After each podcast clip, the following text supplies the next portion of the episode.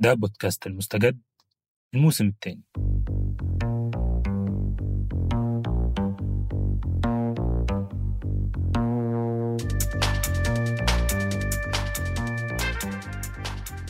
كل حلقة من الموسم الثاني هنكون معاكم هشام إسماعيل ولما رباح وهنتعرف على موضوع جديد. نقرأ خبر مهم شفناه في الإعلام ونفهم تفاصيله.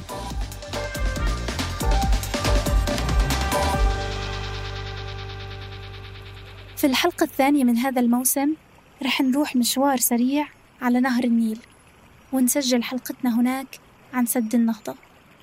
بيتر صحفي أمريكي بريطاني كان في غرفته في الفندق في أثيوبيا قاعد بيفكر في خطوته اللي جاية خلال إعداده لتقرير صحفي عن سد النهضة وعن آثاره السياسية والبيئية على سكان دول المنطقة. وبيسمع بيتر حدا عم بدق على باب الغرفة.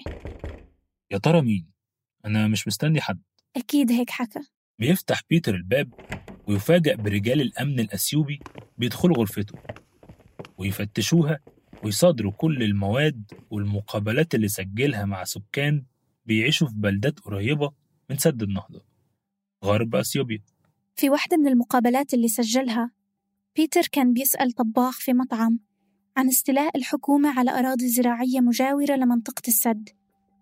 عشان الحكومة بعدها تأجرها لشركات زراعية أجنبية. الاستيلاء على هاي الأراضي بيعني تهجير الآلاف من المواطنين الأثيوبيين من أرضهم. بس المهم إنه الطباخ المرعوب جاوب الصحفي لازم تفهم إنه في مواضيع ما بنقدر نحكي عنها.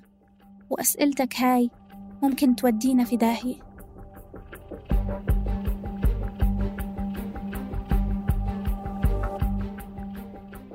وفي 22 يوليو 2020 قطعت إثيوبيا المرحلة الأولى من ملء خزان سد النهضة.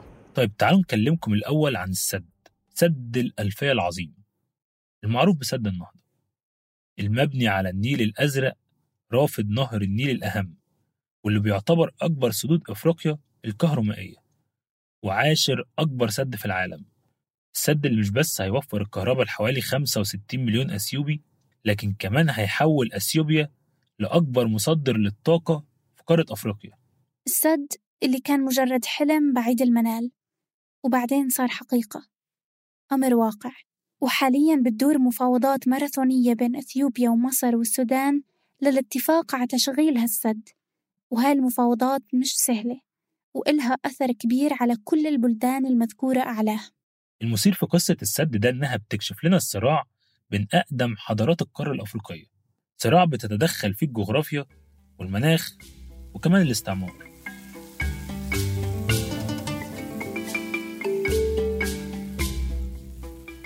قصتنا مليئة بأصوات من كل نوع عالية زي أصوات المفاوضين وتهديدات قادة الجيوش وتدخلات الوسطاء والمستثمرين.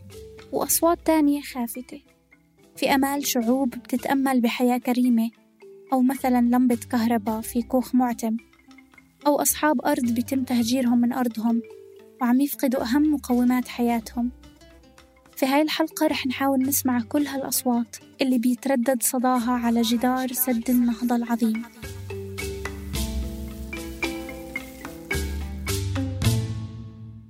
أحيانا بتكون قرارات الأمم وتوجهاتها في الحاضر مبنية على تصورات وخيال ناس عاشوا في الماضي. ومهم جدا نستحضر الحقيقة دي وإحنا بنحاول نفهم حكاية سد النهضة اللي بتدور حوالين واحد من أقدم أنهار العالم وبين حضارات من أقدم حضارات العالم برضه.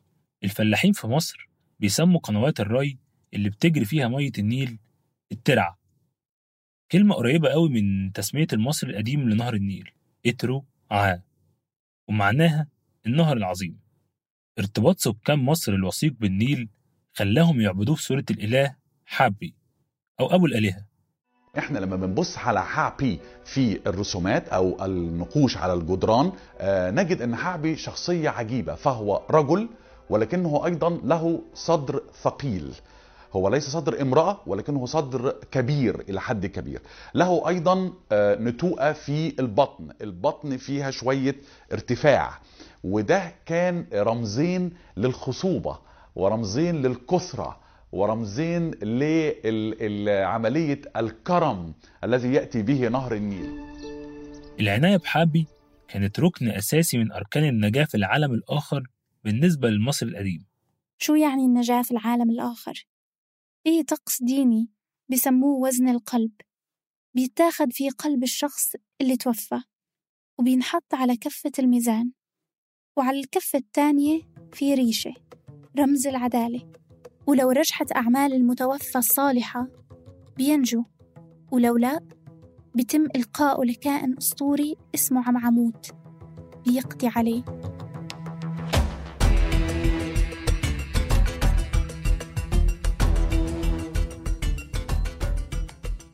وكدليل على أهمية العناية بالنيل في العالم الآخر بنشوف في مقبرة حاكم الجنوب في أسوان منقوش على الجدران براءة. مكتوب فيها. أنا لم ألوث ماء النهر. لم أمنع الفيضان في موسمه. لم أقم سدا للماء الجاري. يعني محاولة السيطرة على إله في العموم المتمثل هنا في النيل حاجة خطيرة. ومنع جريان مياه النهر بإقامة سد كانت خطيئة لا تغتفر.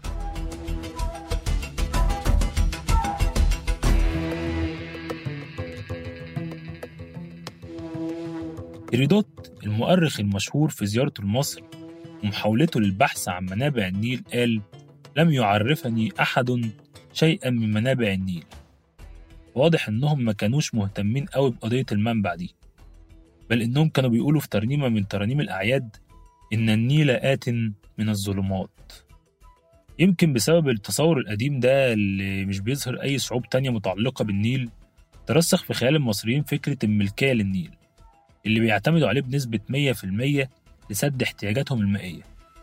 بقايا التصورات دي واللي مع ظروف تانية هنشوفها هتشكل قرارات السياسيين المصريين لحد هذه اللحظة واللي بيصبح فيها سد عند أهم منابع النيل.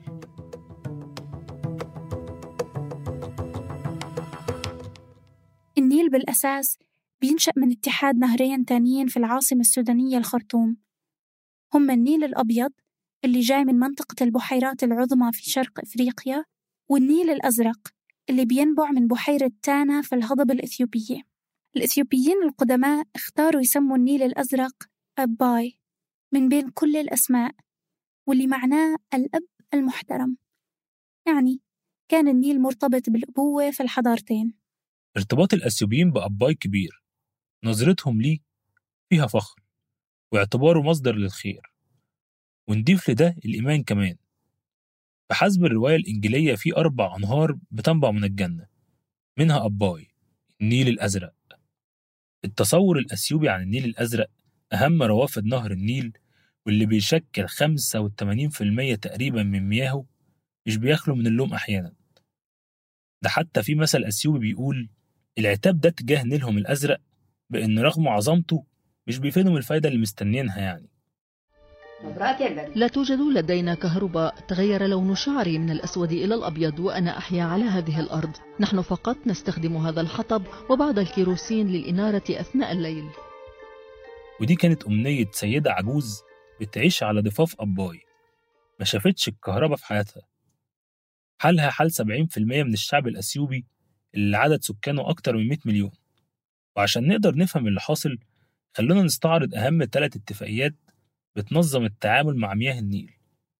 اتفاقيتين منهم عملهم المستعمر البريطاني والتالتة كانت بين دول المصب مصر والسودان اللي كانوا يدوبهم لسه مستقلين. في سنة 1902 الإنجليز كانوا بيستعدوا لافتتاح أكبر سد حجري في العالم اللي هو خزان أسوان. كجزء من خطتهم لتطوير منظومة الري المصرية عشان يحولوها لمزرعة قطن كبيرة تخدم صناعة النسيج بتاعتهم. وكان مهم جدا عشان الخطة دي تنجح إنهم يأمنوا منابع النيل الأزرق اللي بينبع منين؟ أثيوبيا الدولة المستقلة اللي بيفخر شعبها إنها دولة عمرها ما وقعت تحت الاستعمار. خصوصا إنه وقتها كانت منابع النيل الأبيض الرافد الثاني للنيل تحت النفوذ الإنجليزي أصلا. وعشان هيك في 1902 وقعت بريطانيا اتفاقية مع الإمبراطور الإثيوبي مانيليك الثاني واللي بيتعهد فيها بعدم إقامة أي مشاريع في مجرى النيل الأزرق أو نهر الصوبات أو بحيرة تانا. والقصد مشاريع ممكن تأثر في وصول النيل لمصر إلا طبعا بموافقة مصر. وفي 1906 وقعت بريطانيا اتفاقية مشابهة مع بلجيكا واللي كانت بتسيطر وقتها على الكونغو.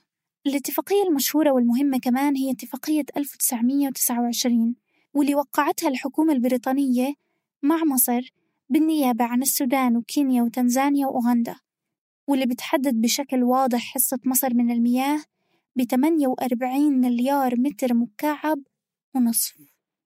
وبتعطي السودان حق استخدام 4 مليار متر مكعب فقط يعني 48 ونص لمصر مقابل أربعة للسودان. السودان بعد استقلاله كان أول معترض على اتفاقية 29 دي وكان شايفها من بقايا الاستعمار واعتداء على سيادته الوطنية وإنها بتقيد جدا أي مشاريع ري معتمدة على مياه النيل. ممكن يعملها السودان للزراعة في أرضه اللي هي تقريبا 60% من مساحة حوض النيل. وفي سنة 1959 بتوقع حكومة السودان العسكرية اتفاقية مع حكومة عبد الناصر في مصر. بتعدل اتفاقية 29 وقتها عبد الناصر كان بيعمل تسوياته مع السودان استعدادا لإنشاء السد العالي. وما إتمام بناء السد العالي اليوم وبرغم ضخامته الهائلة كمشروع من أكبر مشاريع البناء والتعمير في عصرنا إلا إشارة إلى هذا المعنى شعب أعطى للدنيا وللحياة. وشعب سوف يعطي للدنيا وللحياة. شعب يبني كل يوم وشعب يقاتل في أي يوم. يعرف قيمة البناء ولكنه يدرك بعمق وأصالة في نفس الوقت. أهمية حمل السلاح دفاعا عن الأمل في البناء ودفاعا عن تحقيق البناء. وكان هدف السد العالي وقتها إنه يساهم في تغطية احتياجات مصر من الكهرباء. وكمان عن طريق بحيرة السد اللي تعتبر أكبر بحيرة صناعية في العالم بتأمن مصر حاجتها من المياه في مواسم الجفاف. ونتيجة الاتفاقية الجديدة بين مصر والسودان اللي سموها اتفاقية تقاسم مياه النيل بقت حصة الدولتين تقريبا 88% من كل إيراد نهر النيل. وطبعا باقي دول حوض النيل رفضت الاتفاقية دي. وفي 2010 مضت ست دول من دول حوض النيل اتفاقية عنتيبي. عنتيبي بتدي الدول دي الحق في استخدام عادل لمياه النيل وإقامة مشروعات عليه. في خطوة من شأنها زيادة التوتر القائم بين القاهرة وأديس أبابا صدق البرلمان الإثيوبي بالإجماع على اتفاقية عنتيبي التي وقعتها ست من دول حوض النيل والتي تحرم مصر من حق الاعتراض على إقامة سدود على النيل. وكانت عنتيبي الضربة الأولى اللي بيوجهها رئيس الوزراء الأثيوبي الراحل زيناوي لاتفاقيات 29 59 زناوي معروف بأنه مهندس النقل الاقتصادية الأثيوبية واللي في عهده تم إطلاق مشروع سد النهضة سنة 2011 أهداف أثيوبيا من سد النهضة معلنة وواضحة تماما. هي مش عايزة بس تكتفي من الطاقة الكهربية لكن عايزة كمان تكون المصدر الأول للطاقة في أفريقيا. السد الأثيوبي متوقع أنه يقدر ينتج ثلاث أضعاف الكهرباء اللي بينتجها السد العالي في مصر. التوقعات تقول إن السد سيحقق فوائد كبيرة لإثيوبيا بإنتاج 6450 ميجاوات من الكهرباء وتخطط إثيوبيا لبيع 2000 ميجاوات منها لدول الجوار. لكن هذا يتطلب بناء خطوط نقل ضخمة. مصر تقول إن سد النهضة سيتسبب في فقدانها 11 مليار متر مكعب من المياه سنويا ونقص في إمدادات الكهرباء لديها بنسبة 25% على الجانب الآخر بنشوف مصر اللي بتعتمد بنسبة ممكن توصل ل 100% من مواردها المائية على مياه النيل واللي أغلبه بيجي من أثيوبيا. أبرز نقاط خلاف مصر مع أثيوبيا حاليا هي تحديد مدة ملء بحيرة السد وفي الإدارة المشتركة للسد. سيناريو ملء البحيرة في ثلاث سنين هو الكابوس المصري. في السيناريو هاد مصر رح تفقد نصف موازنتها من المياه تقريبا مرة واحدة وهذا مرعب لبلد تحت خط الفقر المائي أصلا. التقديرات بتقول إن 67% من أراضي مصر الزراعية هيتم تبويرها يعني هتتحول لأرض غير صالحة للزراعة وده مؤكد هيأثر كمان على القوى العاملة. المية كانت بتبقى كل يوم كل يوم كل يوم ما شغال اللي عاوز يقيس إنما دلوقتي بتدور زي ما حضرتك شفت كده عم محمد مستني عم مصطفى مستني عم محمود مش عارف مستنيني. فبنحصل خلافات ما بيننا. لا أنا اللي عليا الدور ده أنا بقالي 22 يوم ده أنا بقالي 30 يوم. فبنضطر اللي بتعمل كبسة قلة المية بتعمل كبسة. ده عاوز يسقي الزرع باظ من يمة تانية. فبتحصل خسائر طيب شو رأي السودان في الموضوع؟ يبدو إن هم واخدين موقف وسط ميال لإقامة السد. في الحقيقة المكسب الأول للسودان لو السد أقيم إنه هيضمن وجود سوابق قانونية تدعمه لو قرر إقامة مشاريع مياه أو لزيادة حصته من مياه النيل. كمان في أهمية للربط الكهربائي بين أثيوبيا والسودان اللي حوالي 44% من مواطنيه مش بيوصل لهم كهرباء. ممكن يكون في تعاون بين الدول الثلاثة بين أثيوبيا وبين السودان ومصر. تمام. أثيوبيا عندها الميزة إنها بتولد كهرباء رخيصة. تمام. ممكن تبيع للسودان بأسعار تفضيلية. تبيع ما بتدي آه تبيع بأسعار تفضيلية. يعني ما تم نصه في إعلان المبادئ في 2015. 2015 الافضليه للسودان ومصر من سد النهضه ما هو الآن نحن بنشتري كهرباء من مصر من إثيوبيا مثلا. تمام. بنشتري منهم 200 ميجا وات بالسعر العادي. بالسعر العادي. ودي فائدتها بالنسبة لنا نحن إنه الكهرباء بتاعت التوليد المائي أرخص من التوليد الحراري. ده غير إنه حجز الطمي واستقرار منسوب مياه النيل الأزرق هيساهم في زيادة الإنتاج الكهربائي للسدود السودانية. واللي بيقل إنتاجها بشكل كبير جدا في مواسم الفيضان لدرجة إنه حتى في الخرطوم اللي هي العاصمة الكهرباء بتتنظم بحسب جدول يومي. ممكن توصل الكهرباء إن هي تقطع سبع ساعات أو أكتر كل يوم في مواسم الفيضان دي.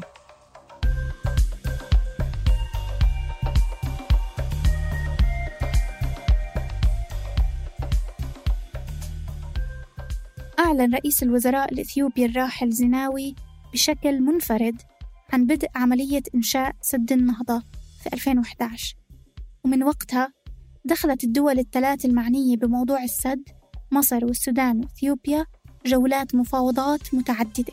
المحادثات بين الطرفين تعثرت كثيرا ولكن في 2014 اتفقت مصر وإثيوبيا على استئناف المفاوضات مرة أخرى. وبحلول 2015 تم التوقيع على وثيقة إعلان مبادئ سد النهضة بين مصر والسودان وإثيوبيا والتي تضمنت مبادئ أساسية تتفق مع قانون الدولي للتعامل مع الأنهار الدولية بعد عام أي في سنة 2016 أعلنت إثيوبيا أنها على وشك إكمال 70% من بناء السد بين 2018 و 2019 اجتماعات ومفاوضات متكررة في 2019 دخلت واشنطن على الخط استضافت الأطراف الثلاثة ولكن في فبراير من العام الجاري اعتذرت أثيوبيا عن حضور الاجتماعات النهائية في واشنطن لتوقيع الاتفاقية بين الأطراف الثلاثة.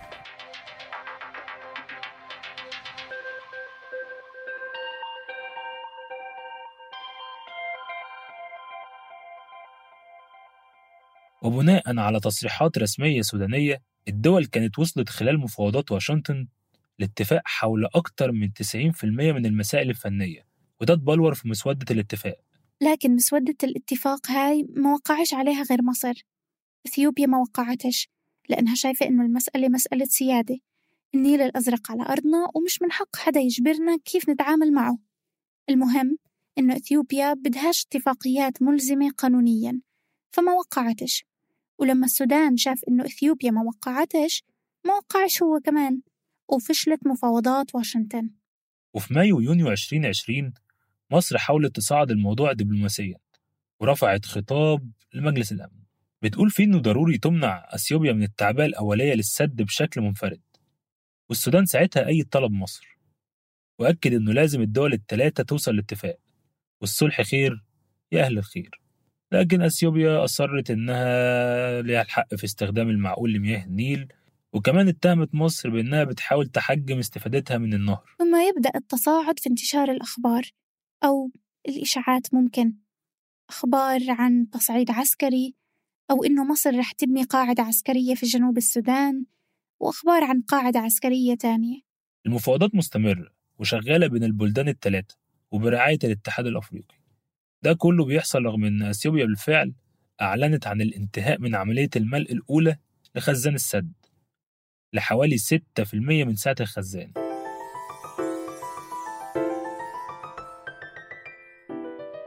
السد العملاق ده متعدد الوجوه فهو لسه في شوية حاجات كده مش ظاهرة على السطح كفاية. ضايل شغلة مهمة نحكي لكم عنها. دور التمويل الأجنبي مهم جدا عشان قصة سد النهضة تكمل. اضطرت إثيوبيا إنها تلاقي بديل عن المؤسسات الغربية لتمويل السد لأنه النشاط الدبلوماسي المصري كان بيوقف أي تقدم في هذا الاتجاه. والبديل هنا اللي اتحركت عليه أثيوبيا كان اعتمادها على الإقتراض من بنوكها المحلية ففرضت عليهم يخصصوا للحكومة نسبة 27% من قوة الإقراض بتاعتهم. وكمان بدأت تقتطع من رواتب الموظفين كتبرعات للسد.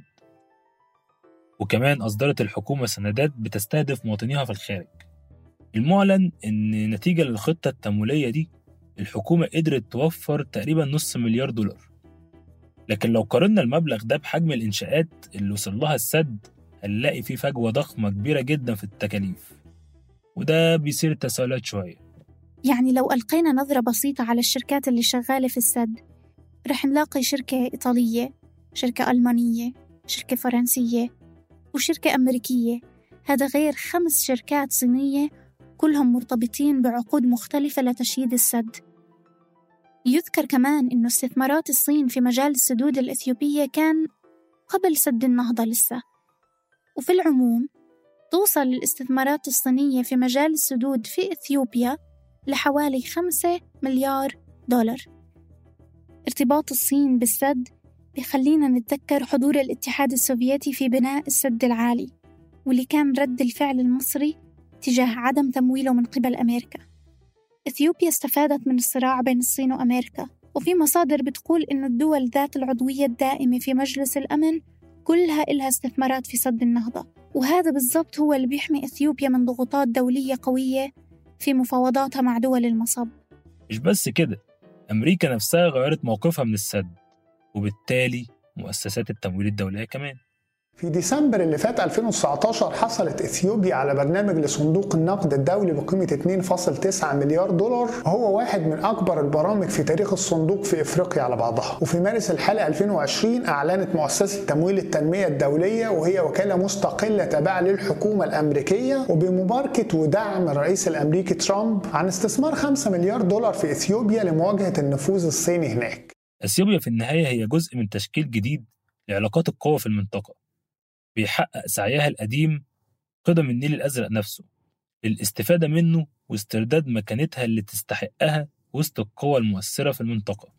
حاجة أخيرة كمان فكرة سد النهضة نفسها كانت نتيجة الحرب الباردة القديمة. مكتب استصلاح الأراضي الأمريكي كان عمل مسح في الخمسينيات لتحديد أفضل أماكن لإقامة سدود على النيل الأزرق. يعني مشروع سد النهضة ويا محاسن الصدف كانت رح تموله أمريكا ردا على السد العالي اللي بموله الاتحاد السوفيتي.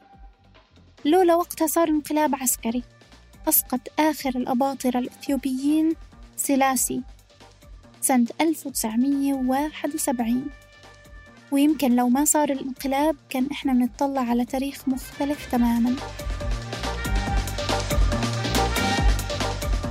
ده بودكاست المستجد كنت معاكم في التقديم هشام إسماعيل لما رباح في التقديم والتحرير إلحاج مهند في الكتابة روان نخلة في البحث وتيسير قباني في الإخراج الصوتي. ما تنسوش تشتركوا في قناة بودكاست المستجد على منصة البودكاست اللي بتفضلوها عشان تتابعوا حلقاتنا اللي جاية.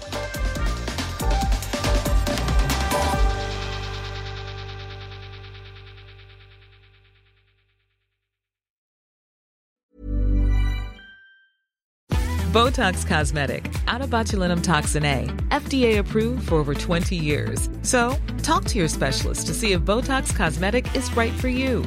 For full prescribing information, including boxed warning, visit BotoxCosmetic.com or call 877-351-0300. Remember to ask for Botox Cosmetic by name. To see for yourself and learn more, visit BotoxCosmetic.com. That's BotoxCosmetic.com.